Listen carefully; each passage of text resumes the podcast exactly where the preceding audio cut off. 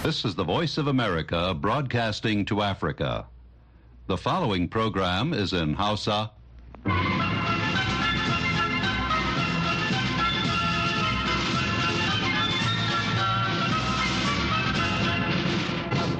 Sashen Hausa na muryar Amurka yake magana daga nan birnin Washington DC.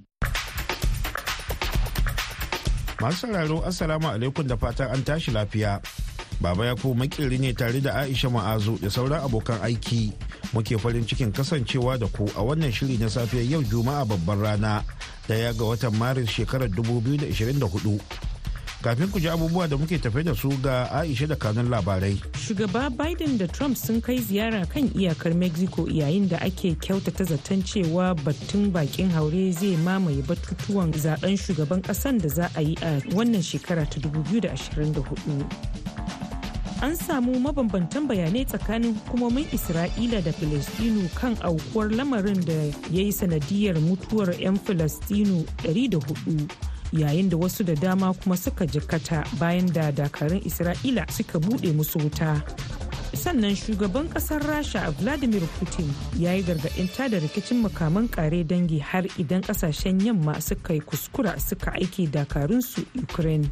Kanan labaran kenan. A cikin shirin za ku ji cewa wasu 'yan nijar sun ce akwai babban darasi da ya kamata mahukuntan ƙasar su ɗauka a wannan batu na ecowas. Ina so saƙon ga isa zuwa ga general imu abdulrahman chani da mambarin cnsp su nemi matakan da za su ɗauka. A cikin shirin za kuma cewa ofishin jakadancin amurka a ghana ya buɗe wata sabuwar cibiya don matasa da ke burin neman ilimi a amurka. Kamar kowace safiyar juma'a yau ma muna tafi da shirin manuniya na isa lawal ikara wanda a yau shirin ya mai da hankali akan matsalar tsadar rayuwa da tsaro da kuma salon mulki a najeriya. Amma yanzu sai a gyara zama a shakashin farko na labaran duniya. Assalamu alaikum masu sauraro da fatan an wayi gari lafiya. Ga cikakkun labaran duniyar. Akalla 'yan filistinu 112 da ke neman taimakon jin kai ne aka kashe a birnin gaza da sanyin safiyar jiya alhamis.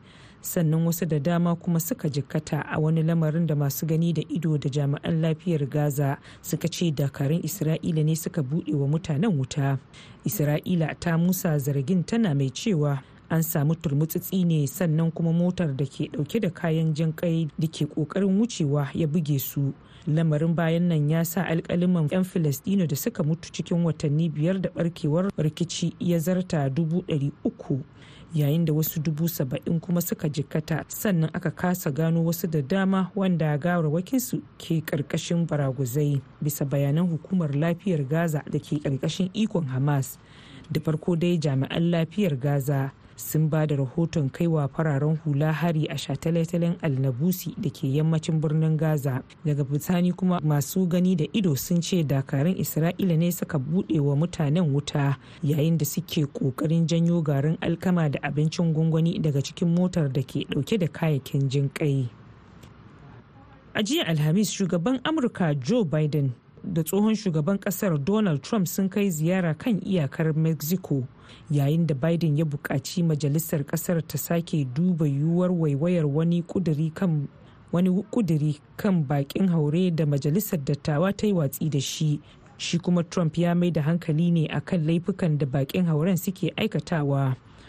Ana kyautata zaton cewa batun bakin haure zai kasance wani batu da zai mamaye batutuwa a zaɓen shugaban ƙasar da za a yi a watan nuwamba yayin da dubban bakin haure suke ƙetarowa amurka a duk mako ba tare da cikakkun takardun izini ba.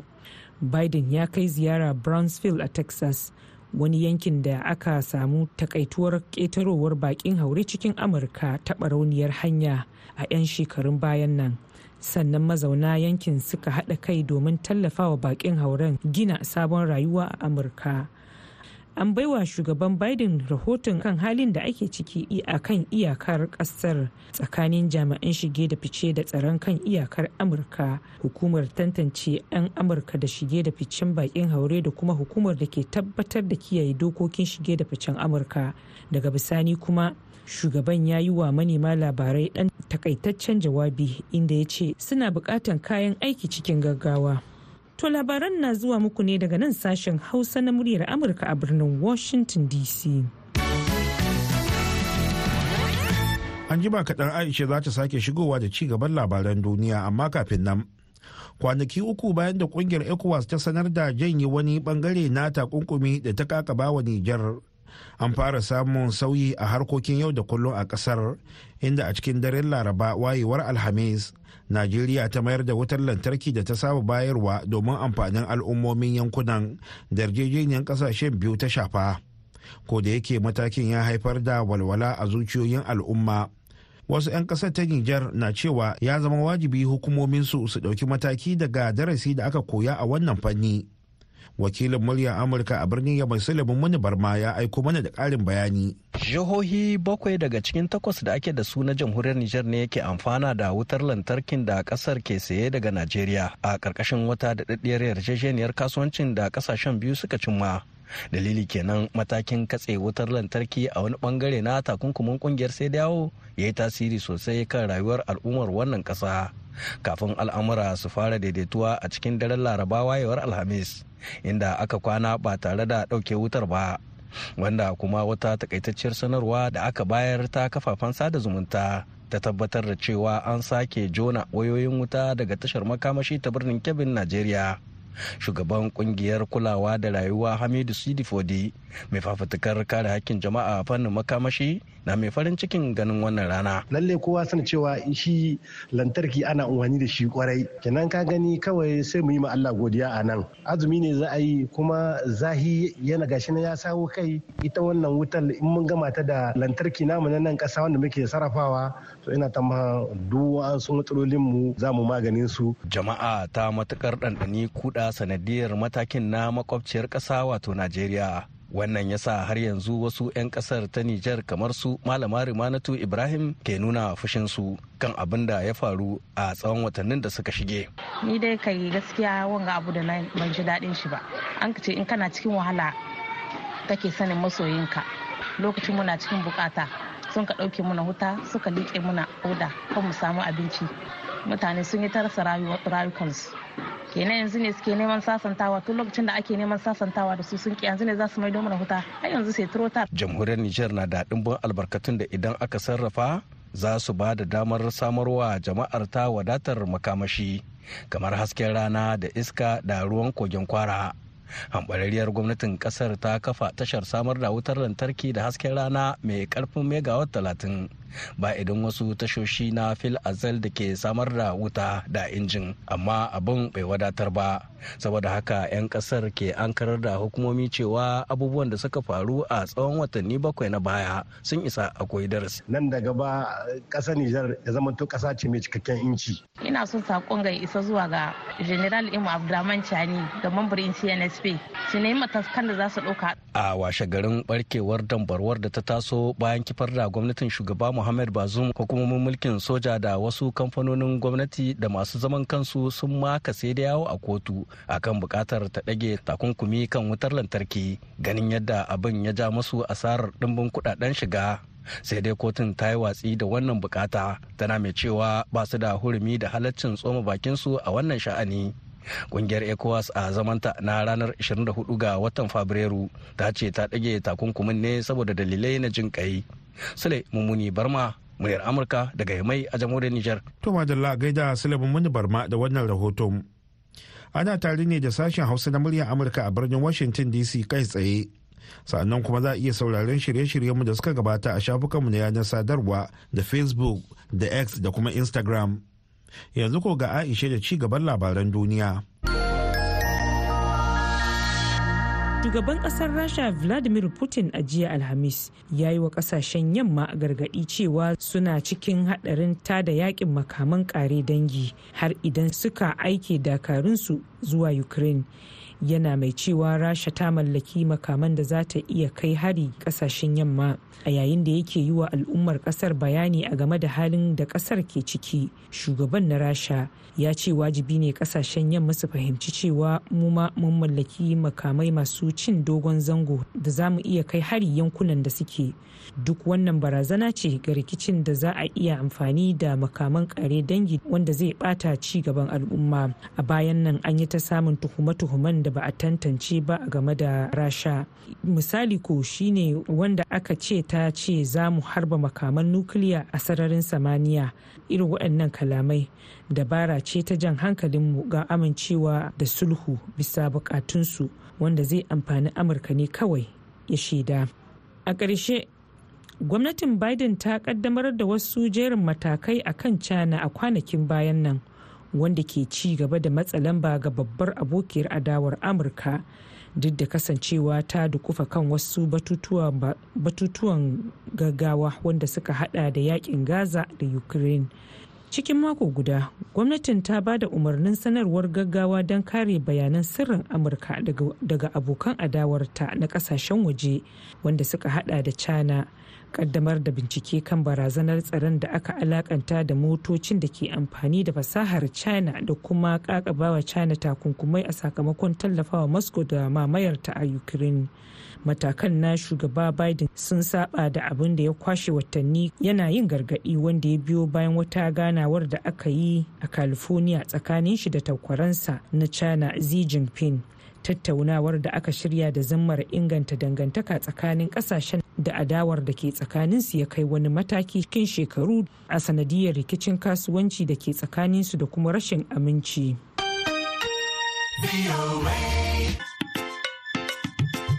a gaida Aisha Ma'azu da ta karanto mana labaran duniya daga nan sashen Hausa na muryar Amurka a birnin Washington DC. Tumadalla. A shekarar da ta gabata, kwalejoji da jami'oyin Amurka sun ga karuwan kashi 32 cikin ɗari na ɗalibai daga ƙasar Ghana. Lamarin da ya sa Ghana ta zama ɗaya daga cikin ƙasashe 25 na gaba-gaba a duniya da ke tura ɗalibai zuwa Amurka karatu. Don taimakawa wajen kula da ƙarin da ake samu, ofishin jakadancin amurka a ghana ya buɗe wata sabuwar cibiya don matasa da ke burin neman ilimi a amurka ga dai maryam dauda da fasarar rahoton sinano todd daga birnin kumasin ghana a jami'ar kimiyya da fasaha ta kwame nkrumah da ke birnin kumashi a ghana marilyn owusu ta yi wa wasu ɗalibai jawabi. Burinta shine ta bayyana musu yiwuwar samun damar karatu a amurka.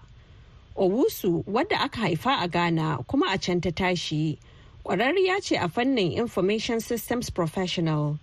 Bayan da ta kammala karatunta a Amurka ta koma gida ta fara sana'a yanzu ta shafa sama da shekaru ashirin tana sana'a.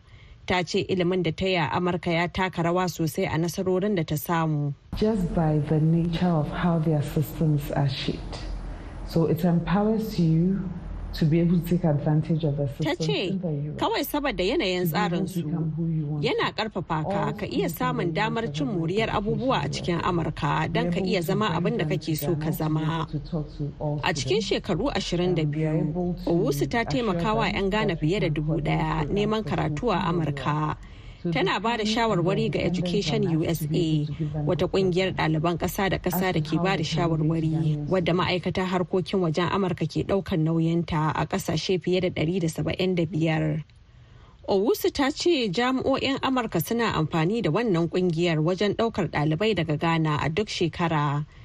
A cewar ofishin jakadancin amurka a ghana a shekarar karatun da ta wuce yawan ɗaliban da suka je kwalejoji da jami'o'in amurka daga ghana ya ƙaru da kusan kashi 32 cikin 100 kuma ghana ta zama ƙasa ta sha huɗu da tafi yawan ɗalibai da ke zuwa amurka karatun digiri.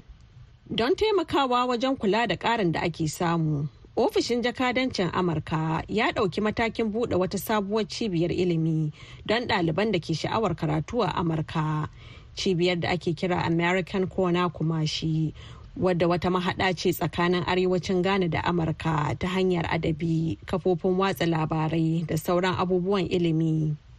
Rita abuku ita ce shugaban shirin na ofishin jakadancin amurka a ghana. We have databases that are paid for by the state department. They are free of charge. We can give you access ta ce muna da tsarin tattara bayanai da ma'aikatar harkokin wajen amurka ke biya.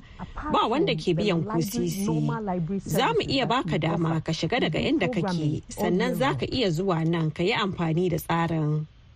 Ofishin jakadancin ya ce waɗannan shirye-shiryen da ayyukan na zaman wani ɓangare na dabarun amurka na ƙarfafa fahimtar juna da dangantakar ta da ghana. Lanis brooker ita ce jami'ar kula da hulɗar jama'a ta riko a ofishin jakadancin amurka a ghana. We have a really wonderful uh, relationship that's continuing across all sectors. And at the heart of that is the people. Ta ce, muna da kyakkyawar dangantaka da ke ci gaba a kowane ɓangare. Muhimmin abu shine tsakanin jama'a. A saboda haka, idan muna magana game da shirin musayar ɗalibai, ba kawai muna magana ne akan mutanen da za su je Amurka su dawo nan ba, amma muna magana ne akan manufofi, ra'ayoyi da sauran abubuwan da za su koya.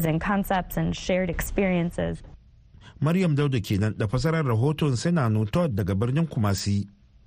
Wannan shirin na zuwa muku ne daga nan birnin Washington DC akan mitoci 16, 25 da kuma 31. A jamhuriyar Nijar kuma za a iya sauraren mu a tashar mu ta VOA Africa kan mita 200.5 zangon FM. Baya ga haka a koda yaushe ake so za a iya zuwa shafukanmu na intanet voahausa.com ko kuma sashen hausa.com domin sauraren shirye-shiryenmu. Yanzu kuma ga shirinmu na gaba. Manuniya.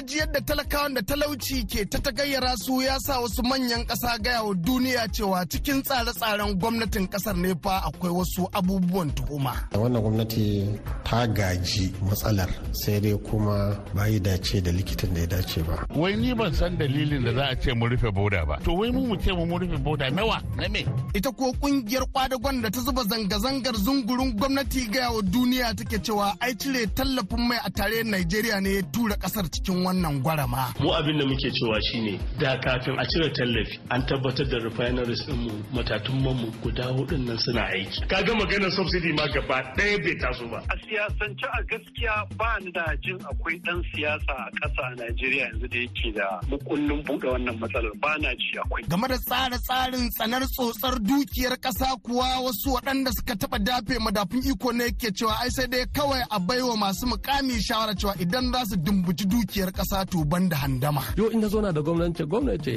da Allah yanzu ka yi sata kai sata kaɗan wanda zai iya dawo da kai zaɓe kar kai satan tarawa. In dole kai to in bai yi satan nan ba ba zai dawo ba wallahi. Waɗannan ba so mun taɓa muka tattaɓo cikin tarin muryoyin da za ku da cikin wannan shiri na manuniya.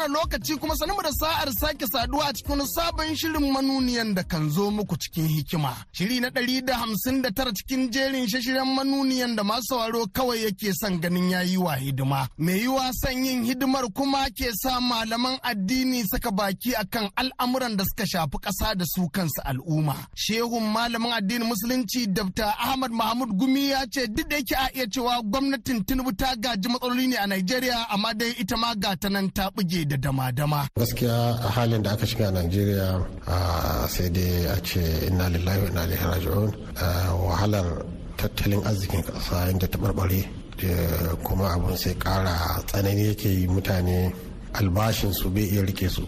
Ga bukatun rayuwa sai karuwa suke yi. Komai sai tsada yake karuwa ga rashin tsaro to wayan abubuwan biyu duka sun addabi al'umma. Ga tsoro ga yunwa. To muna ganin ba abin da zai da da mu sai riƙe gaskiya da dawa Allah. Shugabanni su riƙe gaskiya su yi abin da ya dace. Abin da muka fahimta wannan wahalar nan tana da dangantaka da ƙasashen waje. Domin shekara takwas da suka wuce gwamnati ne ta rayu akan bashi.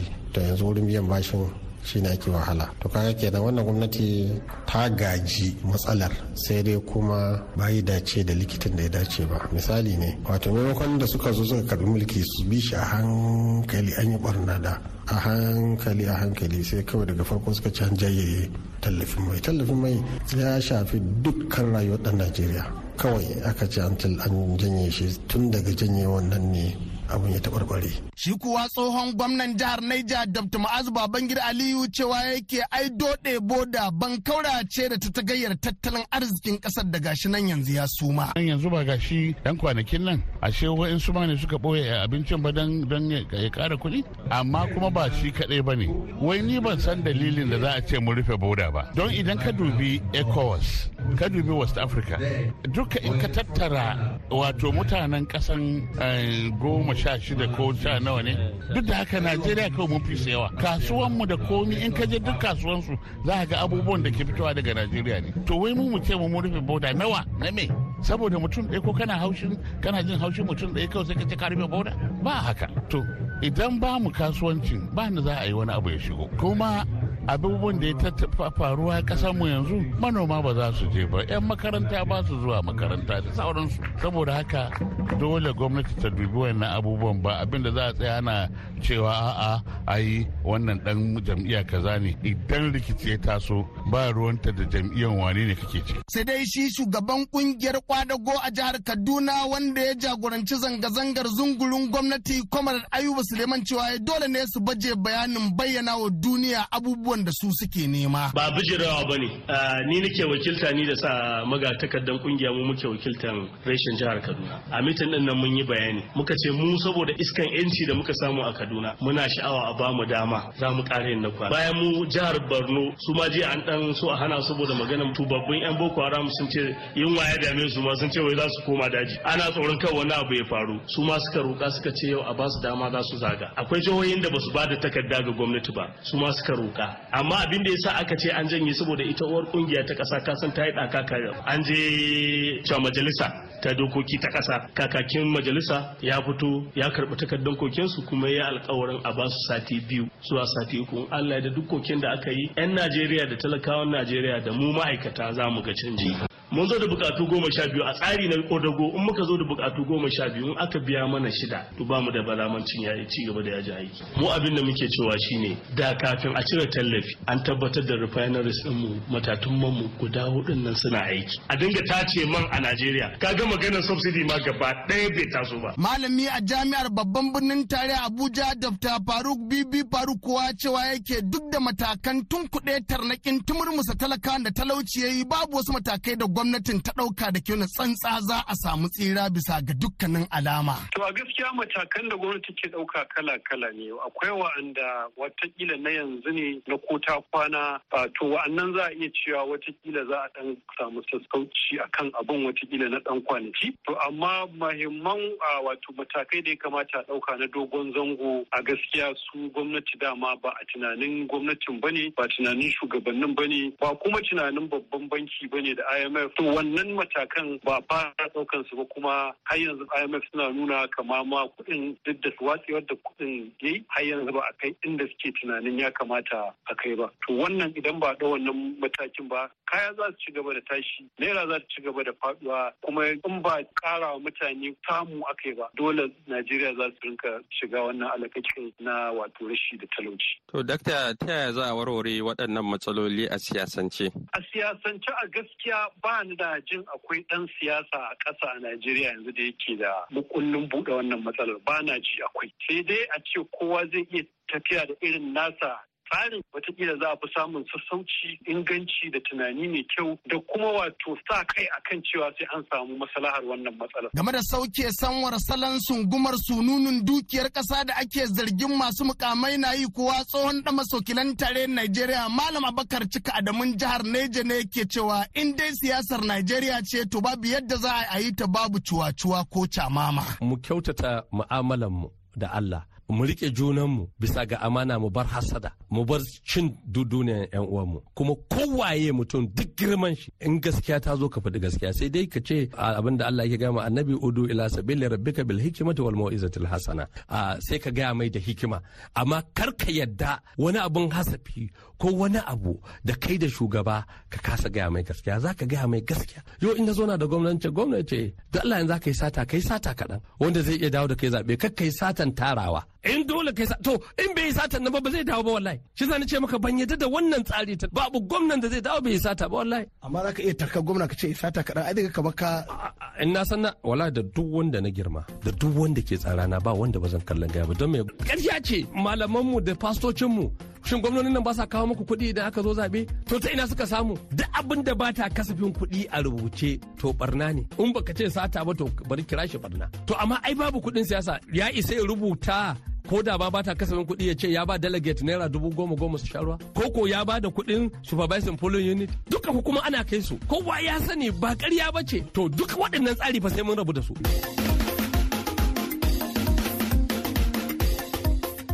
Duka iyaka batutuwan da za mu iya baje muku kenan a cikin wannan shiri na manuniya sai dai kafin mu yi sallama sai mun sanar da dukkanin masu dafa da madafun iko cewa kwanakin da ake keɓe musu fa ƙara ƙarewa suke kullun kwanan duniya kamar dai guzurin wanda ya hau jirgin sama. Domin kuwa daga juma'a na ma saura kwanaki dubu ɗaya da ɗari ɗaya da tamanin da uku ne su yi sallamar cikin kujerun da dama da su ne ake yi musu alfarma. Kuma madadin dukkanin wanda sukan taimaka wajen tabbatar wannan shiri ya zo muku musamman dai Muhammad Hafiz Baballe da Mustapha Nasiru Batsarin jihar Naija sai kuma maman manuniya Madina Daudan da kan yi daudalar dawo mana da muryoyi daga bangarori daban-daban saboda tsabar azama. Ni Isa Lawal Ikara da kan shirya an gabatar ne nake cewa sai kun mako idan Allah ya sake sada mu a cikin wani sabon shirin na manuniya. To madalla a gaida na ikara yanzu ko ga nasihar juma'a. Assalamu alaikum wa rahmatullahi wa barakatu. Sunana Abdulaziz Mahmud Ba'are, muftin Hausawa kuma ɗaya daga cikin maluma na ahlil haq wal istiqama a birnin Kumasi kasan Ghana. Abinda nake da shi zuwa ga al'umman musulmi na duniya duka baki ɗaya da wabil khusus a kasashenmu na afirka shine ya kamata mu fahimci cewa bayan allah mu mutanen afirka muna cikin mutane da suka koma baya a cikin komi gaba ɗaya na rayuwar ta duniya. Ya kamata mu fahimci haka. Sa'an nan mu nemi hanyoyi da za mu bi sabida mu gyara ainihin rayuwarmu sabida mu samu abin da ake buƙata. Shine mu samu rayuwa mai kyau a cikin duniyanmu sa'an nan kuma mu dace kuma gobe kiyama mu samu aljanna. Kamar yadda Allah ta'ala ke cewa wabtaghi fima ataka Allah dar al-akhirah wala tansa nasibaka min ad-dunya mutum ya yi ƙoƙari ya nemi abin da allah subhanahu wata'ala ya yi masa tattali na gidan lahira amma kada ya manta da nasa rabo na duniya. Waɗanda allah subhanahu wata'ala ya mai da su shugabanni maluma da sarakai da za su tafiyar da lamuran jama'a to yawancinsu ba aikinsu suke yi ba. Suna wani abu ne daban. Malumma sun saura suna cin mutuncin juna suna zagin juna ba su a nuna ma juna abin da ya kamata. Idan malumma su kai haka ko aka kasance haka ba za a samu abin da ake so ba. Shi sa bayan allah ya kamata mu fahimci cewa ilimi amana ne.